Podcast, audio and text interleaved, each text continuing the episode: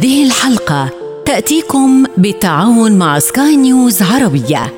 معا نستثمر في طاقة الشباب لخدمة الأوطان. أنا ما بدي أكون إنسان عادي بدي أكون إنسان مميز. يعني إيش؟ كل الناس معها آه، بكالوريوس كل الناس معها دكتوراه كل الناس معها ماستر. بس أنا أنا حبيت إني أكون إنسان مميز. أنا آه الحمد لله قدرت آه أكتب. الناس العادية كانت بتكتب عند سن خمس سنين أو بتكتب في حروف عند سن خمس سنين. أنا كتبت وأنا عندي ثمان سنين. أنت مو عندك رسالة خير أنت تبي تنشرها بالمجتمع؟ قاعد أقول إن الحمد لله دام اني أنا اللي أنا قاعد أسويه ما يضر أحد وبالعكس إن هذه رسالة إيجابية بالعكس أنا أكون فخور. أنا الحمد لله إرادتي وعزيمتي للحين متمسك بالطموح اللي أنا كنت متخيله. قصتي. عندما كنت أعد لهذه الحلقة وأرتب مع ضيوفي كنت مؤمنة تماما بأنها لن تكون حلقة عادية وكنت متأكدة بأني سأتعلم منها الكثير. كيف لا؟ وضيوفي شباب حاربوا وصمدوا حلموا وحققوا صبروا ونالوا.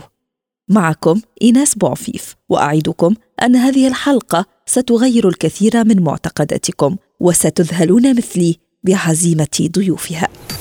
قصتي. من عمر ال 15 هي الفترة اللي بلشت أحس بمواجع أو ألم الإعاقة.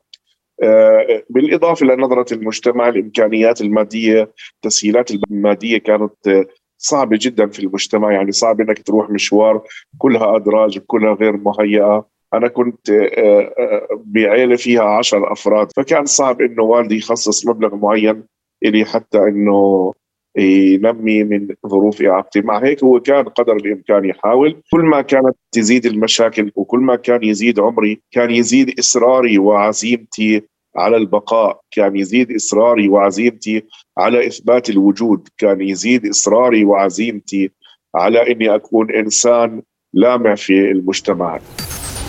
هل احسستم مثلي بالإصرار في صوته وهو يتحدث عن إثبات الوجود؟ هل خضتم من قبل هذه المعركة؟ هل شعرتم يوما أنكم تريدون الصراخ بأعلى صوتكم لكل من حولكم فقط لتثبتوا وجودكم؟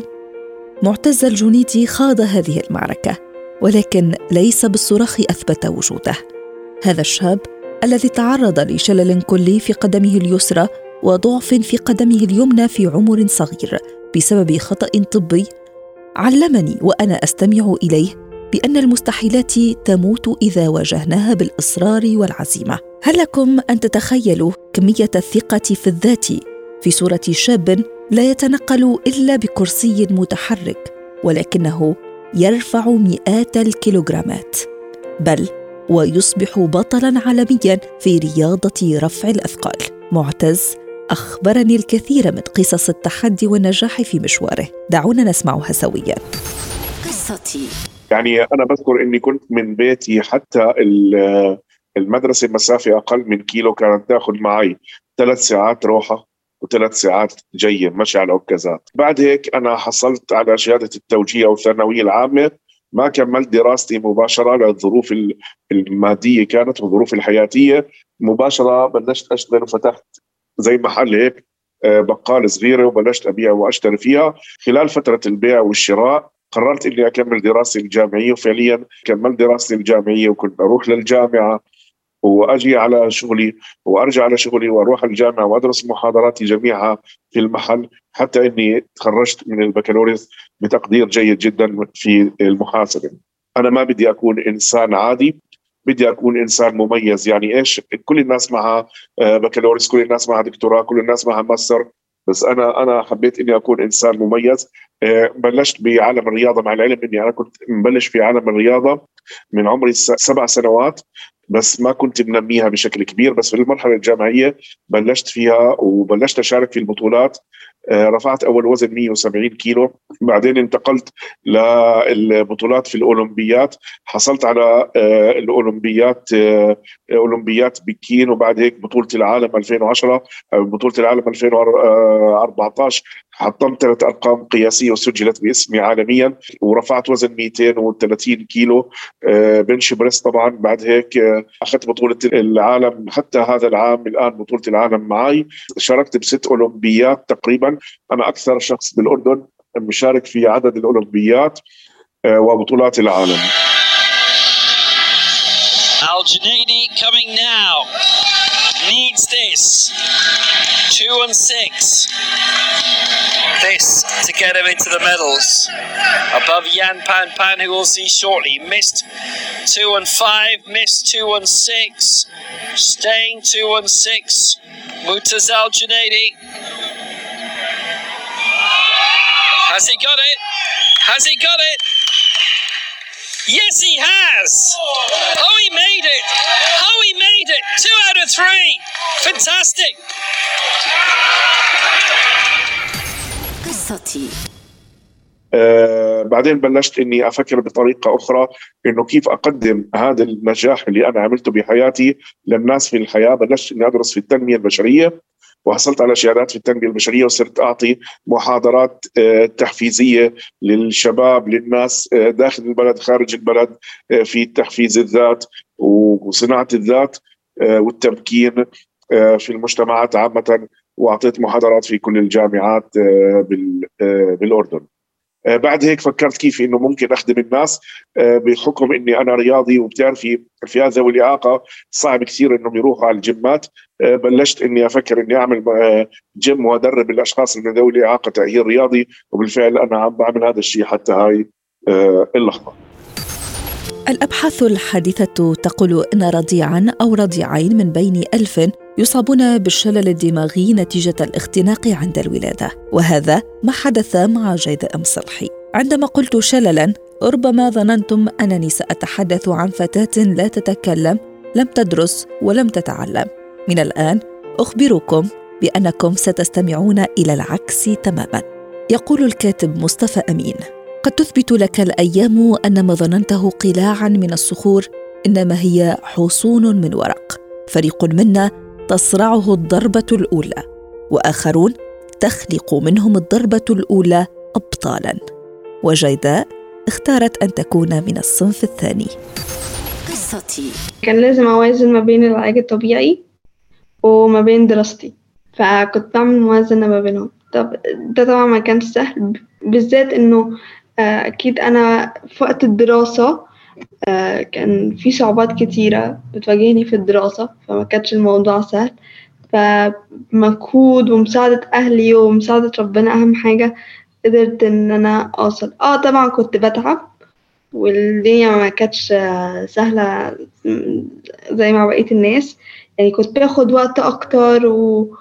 ودايما بحاول أذاكر أكتر وبحاول أفهم الحاجة أكتر علشان أعرف أوصل للي أنا عايزاه. الناس اللي عندهم آه، مشكلات آه، أي مشكلة في حياتهم هما ناس زي الناس العادية بالظبط. الفرق كله إنه بيعملوا الحاجة ممكن بشكل أبطأ شوية من الغير أو بشكل مختلف لكن في النهاية بيحققوا أه بعمل مجهود أكتر من المفروض يتعمل في الحركة وفي التركيز آه، وكل الكلام ده. لكن يعني بحاول أعمله بطريقة إيجابية إنه دايما بحاول أكون أهم حاجة أكون بشكر ربنا. تاني حاجة بحاول أشوف دايما الناحية الإيجابية. بحاول أحط لنفسي activities من الحاجات اللي بتساعدني جدا في إن أنا أخفف التوتر. دايما بحاول أكتشف حاجات جديدة أكتشف فرص جديدة. السنة دي عملت اللي هي رياضة تسلق على الحيطان. جربتها. حد من دكاترة قال لي إن الرياضة دي آه، مناسبة لحالتي يعني بتحسن آه، حالتي بتحسن التوازن. طيب جيداء ما هي أكثر لحظة شعرتي فيها بالفرح؟ يعني بشكل لا يصدق. يعني لحظة لا تخرج من بالك. أول لحظة لما أنا آه الحمد لله قدرت آه أكتب. الناس العادية كانت بتكتب عند سن خمس سنين أو بتكتب حروف عند سن خمس سنين. أنا كتبت وأنا عندي تمن سنين. ليه؟ لأنه عندي مشكلة بصرية cortical visual impairment فده بيخليني إن أنا عندي حاجة اسمها ديسجرافيا آه والديسجرافيا دي بتخليني إن أنا أبقى مش شايفة المسافات صح أحط الحروف فوق بعضها. فالموضوع كان معقد بس بالمعافرة ربنا طبعا أول حاجة. ثم أهلي لما أنا آه، اتخرجت من مد... من المدرسة يعني آه، فده كان شيء آه، فرح كنت فرحانة بيه جدا إنه قدرت الحمد لله بعد الصعوبات اللي أنا عديت منها أنجح وأدخل الجامعة. الألوان الأشكال والخطوط هي أساس الفنون التشكيلية. هل تتخيلون إمكانيات إتقان شخص كفيف لهذا الفن الذي يعتبر مرئيا بالأساس؟ صراحة أنا لم أكن أتخيل هذا إلى أن تحدثت إلى عبد الرحمن الحمود. هو المعلم في التربية الفنية لأصحاب الهمم الذي خير التحدي على الاستسلام. قصتي. عندي إعاقة بصرية منذ الولادة شديدة في العينين ودائمة. كنت كفيف كلي لكن بعد مرور الوقت مع العمليات مدة تقريبا ثلاث سنين الحمد لله رب العالمين قدرت أشوف شوية أصنف يعني تقريبا آه، كفيف جزئي. تعرفت على ناس آه، عام 2012 آه، هم شجعوني وأدعموني إني أنا أدش بهذا المجال. هذا الشعور اللي هو التشجيع والتحفيز هذا كان من أروع الشعور اللي حسيت فيها بحياتي. فمن هني أنا تحمست وقررت إني أنا بكمل بهذا المجال آه، لأن حاط لي أنا تارجت إن أطمح إني أنا تكون لي مشاركات عالمية وأرفع فيها اسم بلادي وأيضا إني آه، أنشر رسالتي للمجتمع والعالمية. بدايتي بالرسم كانت جدا صعبة، كانت بدايتي بال بالأقلام الرصاص وبالأقلام الفحم وكنت أرسم فيها الأشكال الواقعية البورتريه أو المناظر الواقعية. وكانت أصعب تحدي بالنسبة لي لأن البورتريه يعتبر من أصعب الفنون خصوصا شخص مثل حالتي. وطبعا طريقتي بالرسم تقدرين تقولين إني أستخدم أجهزة مخصصة للتكبير أو تكون واضحة لي. آه طبعا مو واضحة 100% لكن تقدرين تقولين إني أنا بالرسم أغامر أقول حق نفسي حتى لو غلط ما عندي أي مشكلة. المهم إن بسوي شيء فيها عمل فني مو مهم إنه يكون perfect والحمد لله يعني آخذ راحتي بالرسم. وطبعا لي يعني أساليب مختلفة في الرسم. عندي كنت أرسم بالرصاص بعدين الحمد لله انتقلت في تكنيك يعني الحمد لله تميزت فيه اللي هو التلوين.